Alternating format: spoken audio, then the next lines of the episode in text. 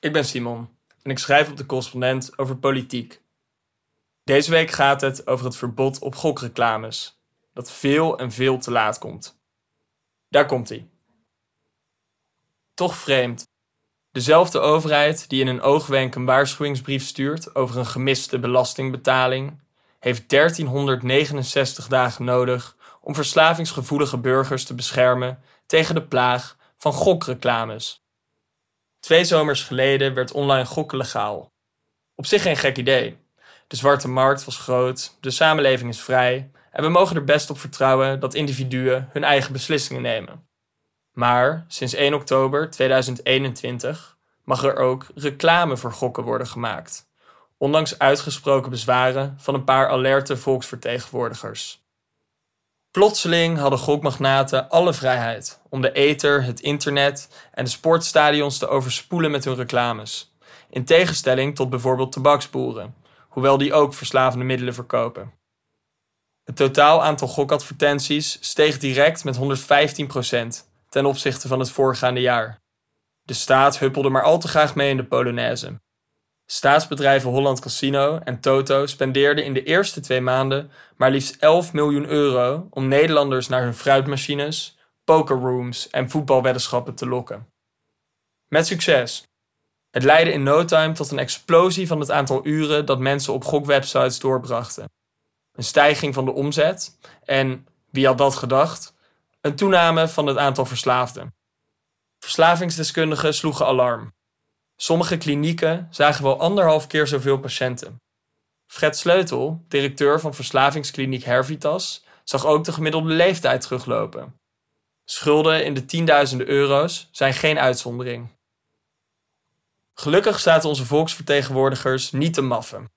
Tweede Kamerlid Michiel van Nispen van de SP zag hoe de gokindustrie zich razendsnel uitbreidde en diende in december 2021 een motie in om ongerichte gokreclames te verbieden.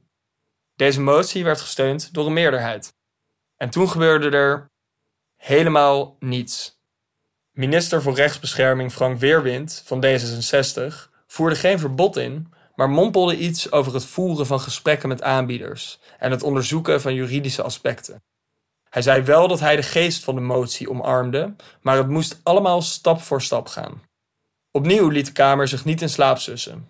En dus kwam er nog een motie, op 10 februari 2022. Met de boodschap: maak haast. Steeds meer partijen zagen naast de gevaren ook de onomkeerbaarheid van het effect van gokadvertenties. Wanneer kwetsbare burgers eenmaal verslaafd raken, is het kwaad al geschied. Henk Nijboer van de PvdA sprak over de enorme ellende en Kees van der Staaij van de SGP herhaalde de kreten van verslavingsexpert over een averechts effect. SP'er van Nispe stelde voor om een spoedwet te gebruiken als een normaal wetsvoorstel te lang duurde. De motie werd opnieuw aangenomen. En opnieuw krekels. Of, nou ja, Weerwind besloot dan maar dat er vanaf 30 juni 2022 geen bekende Nederlanders meer tijdens die reclames in beeld mochten verschijnen. Als de Tweede Kamer besluit om alcohol te verbieden en de minister vervolgens alleen de shotglazen uit de schappen haalt. Inmiddels zijn we honderdduizenden advertenties, duizenden nieuwe verslaafden en een jaar verder en komt Weerwind eindelijk in beweging.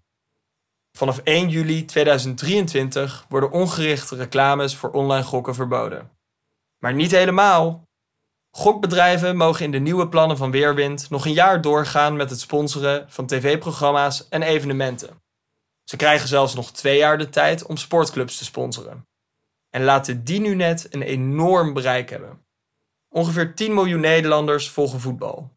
Zij zien Unibet bij Ajax, GG Poker bij FC Emmen en Excelsior, Bad City bij Vitesse, Volendam en Fortuna Sittard, Cansino bij AZ en Toto bij PSV, Feyenoord, FC Groningen, FC Twente, FC Utrecht, RKC Waalwijk, SC Heerenveen en Sparta. Het kost de regering bij elkaar opgeteld wel 1369 dagen om tot een verbod te komen op gevaarlijke gokreclames. Terwijl de urgentie voor zich spreekt. Kwetsbare mensen raken verslaafd, vaak voor het leven. Het is onze bestuurders gelukt om roekeloos de sluizen open te zetten voor de gokindustrie. Ondanks steekhoudende waarschuwingen van collega's en experts. Ik bel Michiel van Nispen. Het is uiteindelijk niet eens gebeurd met een wetswijziging, maar met een algemene maatregel van bestuur, zegt hij. Dat had ook in een paar maanden gekund. Hoe is het dan mogelijk dat de staat niet sneller ingreep? Wat staat daar voor belang tegenover? Er is bijna geen dossier waar zoveel en agressief wordt gelobbyd als gokken, vertelt Van Nispen. Ik werd uitgenodigd voor reisjes naar Malta. Tegelijkertijd zetten lobbyisten het ministerie onder druk met dreigementen over gerechtelijke procedures, bijgestaan door dure advocatenkantoren. Herwinnen van vertrouwen, zei minister Frank Weerwind eind 2022 in een interview met Follow the Money. Dat is mijn belangrijkste opdracht. Hoe wil je dat vertrouwen herwinnen als je geen gehoor geeft aan al die waarschuwingen en moties? Terwijl de levens van kwetsbare Nederlanders worden verwoest, blijkt daadkrachtig handelen onmogelijk. De coalitie staat erbij en kijkt ernaar. 1369 dagen lang. Het is de missie van de correspondent om voorbij de waan van de dag te gaan. Onze correspondenten voorzien het nieuws van context en schrijven over de grote thema's van deze tijd. De correspondent geeft me de vrijheid om mijn nieuwsgierigheid te volgen en de tijd om verhalen te schrijven. En zo probeer ik onzichtbare structuren zichtbaar te maken en een andere kijk te bieden op debatten die het nieuws domineren. Dan gaat het minder over het spelletje en veel meer over wat er op het spel staat. Vanaf dag 1 zijn onze artikelen, boeken en podcasts gefinancierd door onze leden. Volg ons op onze journalistieke zoektocht. Overweeg eens lid te worden van de correspondent. En maak daarmee samen met ruim 70.000 anderen onze onafhankelijke journalistiek mogelijk. Dus word lid van de correspondent. Ja. Word lid. Word lid.